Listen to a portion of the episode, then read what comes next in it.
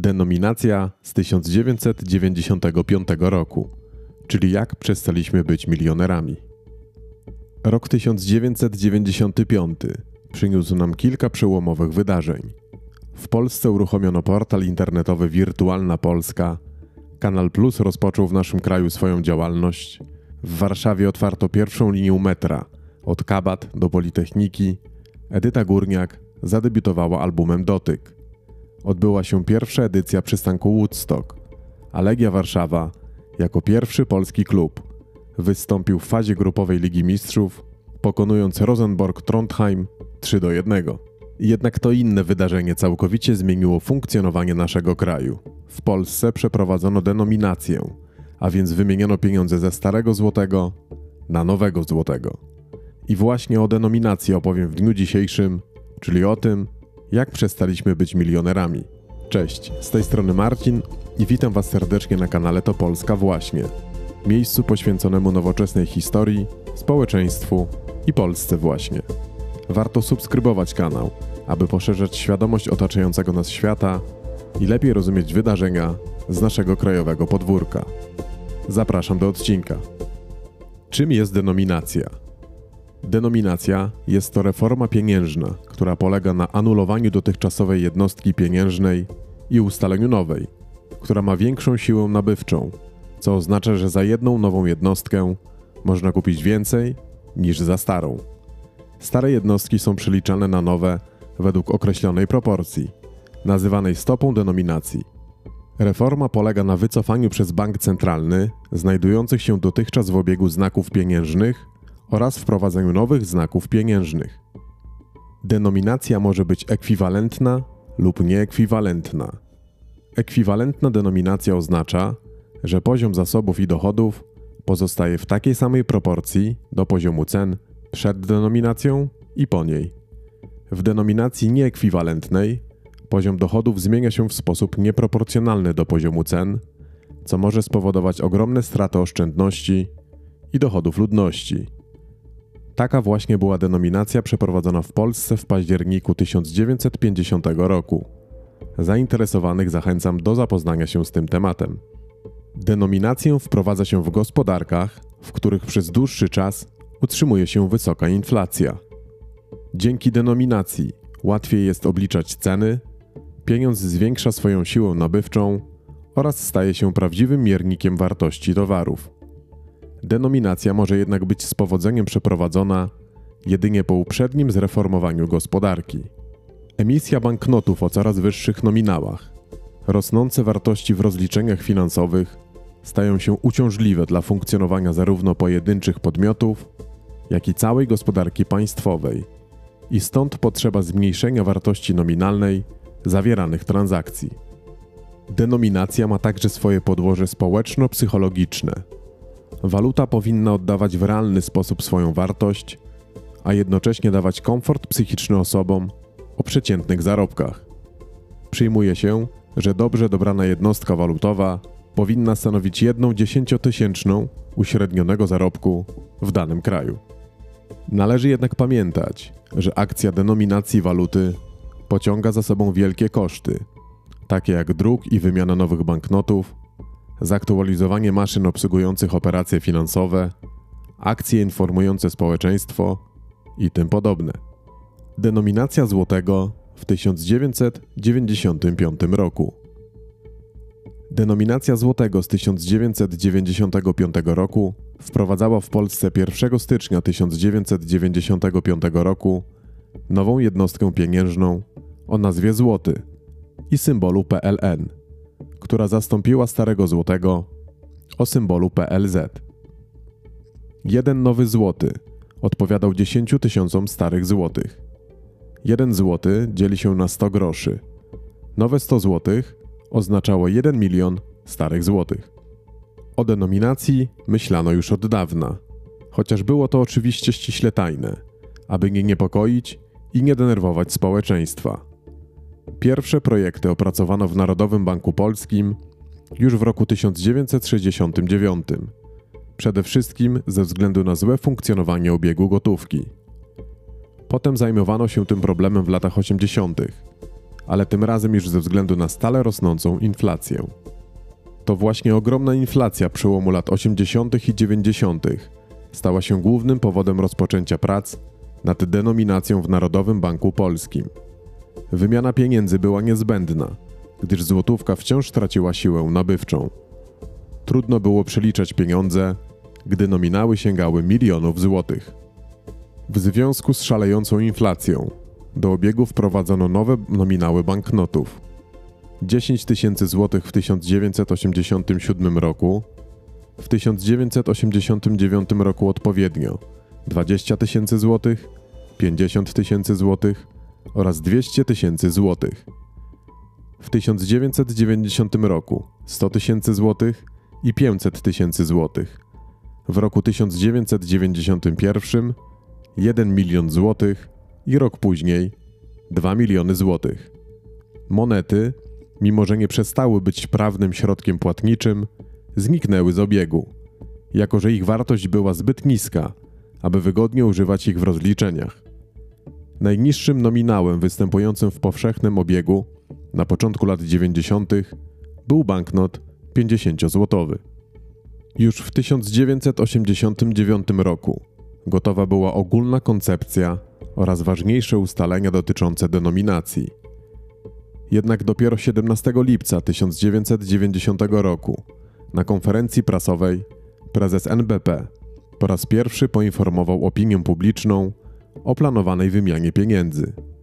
Trzeba bowiem podkreślić, iż samo przeliczenie pieniędzy, polegające na obcięciu kilku zer, chociaż znakomicie ułatwia płacenie, oczywiście wcale nie jest lekarstwem na inflację. Bez koniecznych reform gospodarczych, obcięte zera bardzo szybko wracają do cen, a inflacja znowu rośnie.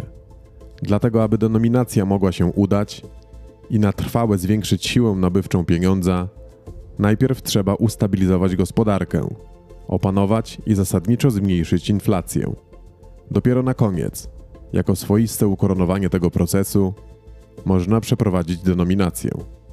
Narodowy Bank Polski musiał więc zdecydować, jaki pieniądz wyprodukować, jakie mają być nominały, jaki ma być nakład, gdzie to zrobić. A przecież wciąż nie było wiadomo, kiedy ma się odbyć denominacja, ani jaka ma być jej stopa, czyli ile starych złotówek ma przypadać na nową jednostkę.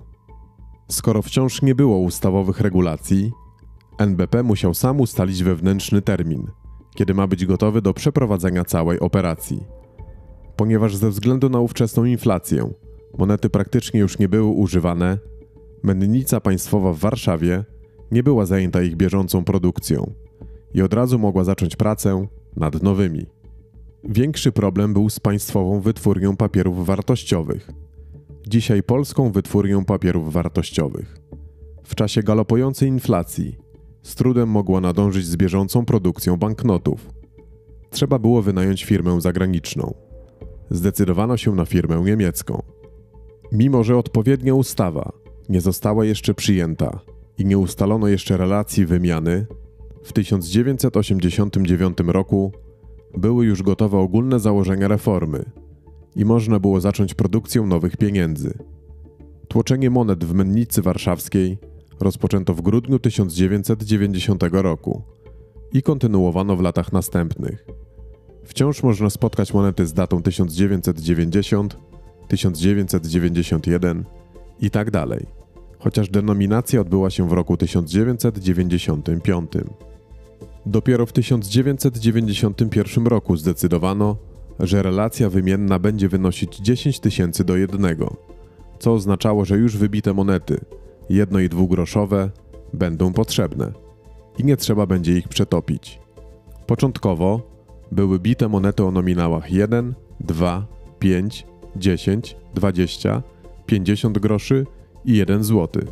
W 1994 roku dodano nominały 2 i 5 zł w miejsce planowanych wcześniej banknotów. Dajcie znać w komentarzach, jaka najstarsza data widnieje na monetach znajdujących się w waszych portfelach. Pierwszy projekt nowych banknotów został sporządzony w latach 1987-1989 na polecenie NBP. Zostały sporządzone dwie serie. Pierwsza przedstawiała pisarzy, a druga polityków. Zrezygnowano z ich produkcji i nie weszły do obiegu. Kolejna seria banknotów została przygotowana w 1987 roku i zakładała nominał od 1 zł do 500 zł. Banknoty przedstawiały wizerunek polskich miast. Produkcja trwała między końcem 1990 roku a lutym 1992 roku. Nie weszły one jednak do obiegu z powodu słabego zabezpieczenia przed fałszowaniem, a także błędów w produkcji w postaci złego kształtu godła Polski i braku napisu Rzeczypospolita Polska. Większość produkcji zniszczono i pozostawiono niewielką liczbę przeznaczoną dla kolekcjonerów. Na przełomie 1993 i 1994 roku została zaprojektowana kolejna seria banknotów o nazwie Władcy Polski. Zrezygnowano z banknotów o nominałach 1, 2 i 5 zł, które zostały zastąpione monetami. Obowiązywały więc nominały 10, 20, 50, 100 i 200 zł. Warto przypomnieć, iż w 1994 roku średnia płaca w Polsce wynosiła 6 milionów złotych. Przykładowe ceny artykułów spożywczych w 1994 roku. Jajko sztuka 2200 zł. Mleko 3,2% 5,5 tysiąca złotych. Szynka 128 tysięcy złotych. Cukier 9,5 tysiąca złotych. Mąka poznańska 6300 złotych. Wódka Krakus pół litra 71,5 tysiąca złotych. Ustawę o denominacji uchwalono 7 lipca 1994 roku. Ustalono, że Narodowy Bank Polski rozpocznie stopniową wymianę pieniędzy 1 stycznia 1995 roku. Stare banknoty miały pozostać w obiegu jeszcze przez dwa lata. Od 1 stycznia 1997 roku jedynym prawnym środkiem płatniczym w Polsce miał być już tylko nowy złoty. Ustalono, że stare złoto będzie można wymieniać w wybranych bankach do 31 grudnia 2010 roku. Na mocy ustawy wszystkie zobowiązania należności oraz prawa majątkowe miały zostać przeliczone w relacji 10 tysięcy do jednego, co oznaczało, że nowa złotówka będzie stanowić równowartość dawnych 10 tysięcy złotych, a nowy grosz równy będzie starym 100 złotym. Ustalono ponadto, że dwa najwyższe nominały banknotów 100 i 200 złotych zostaną wprowadzone do obiegu dopiero przed końcem pierwszego półrocza 1995 roku. Chodziło przede wszystkim o uniknięcie pomylenia starych i nowych 100 czy 200 złotych. Przez okres współistnienia dwóch rodzajów pieniędzy ceny musiały być podawane zarówno w starych, jak i nowych złotych.